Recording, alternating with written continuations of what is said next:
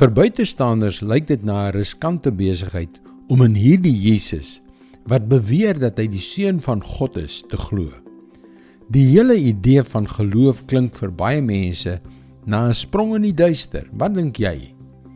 Hallo, ek is Jockey Gouchee vir Bernie Diamond en welkom weer by Vars. Ek het self so gevoel toe ek destyds moes besluit of ek my lot by hierdie Christene gaan ingooi of nie. Wat sal Christus van my eis?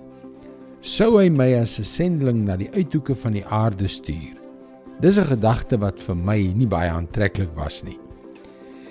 En as jy al 'n besluit geneem het om Jesus te volg, het jy ongetwyfeld ook moeilike tye beleef waarin jy gedink het: Wat gaan aan? Wat beteken dit alles? Is dit regtig die moeite werd? Maar weet jy dit is omdat onsekerheid 'n deel van die geloofservaring is. As jy per slot van rekening geweet het hoe dinge in die toekoms gaan verloop, sou jy mos nie geloof nodig gehad het nie. Maar Jesus se plan was nooit om ons in die duister te hou nie. Inteendeel, ons lees in Johannes 12 vers 44 tot 46. Toe het Jesus uitgeroep: Wie in my glo, glo nie net in my nie, maar ook in hom wat my gestuur het. En wie my sien, sien ook hom wat my gestuur het. Ek het as die lig na die wêreld toe gekom, sodat die wat in my glo, nie in die duisternis sou bly nie. Op watter manier het hy dit gesê? Hy het dit uitgeroep. Wat het hy gesê? Ek het as die lig na die wêreld toe gekom, sodat die wat in my glo, nie in die duisternis sou bly nie. Nee my vriend, geloof in Jesus is nie 'n sprong in die duister nie.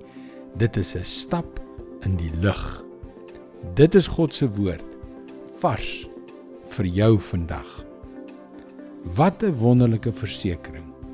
Een van die onderwerpe waaroor die mense baie dikwels vir my vra om oor te gesels is familie. Jy kan gerus laat weet as daar enige onderwerpe is wat jy graag wil voorstel dat ek moet bespreek. Laat my weet by teachingtopics.org. En indien jy na vorige vars boodskappe wil luister, hulle is ook almal op Potgooi beskikbaar. Soek vir Vars vandag op Google of op 'n Potgooi platform soos Spotify. Luister weer môre na nog 'n vars boodskap op jou gunstelingstasie.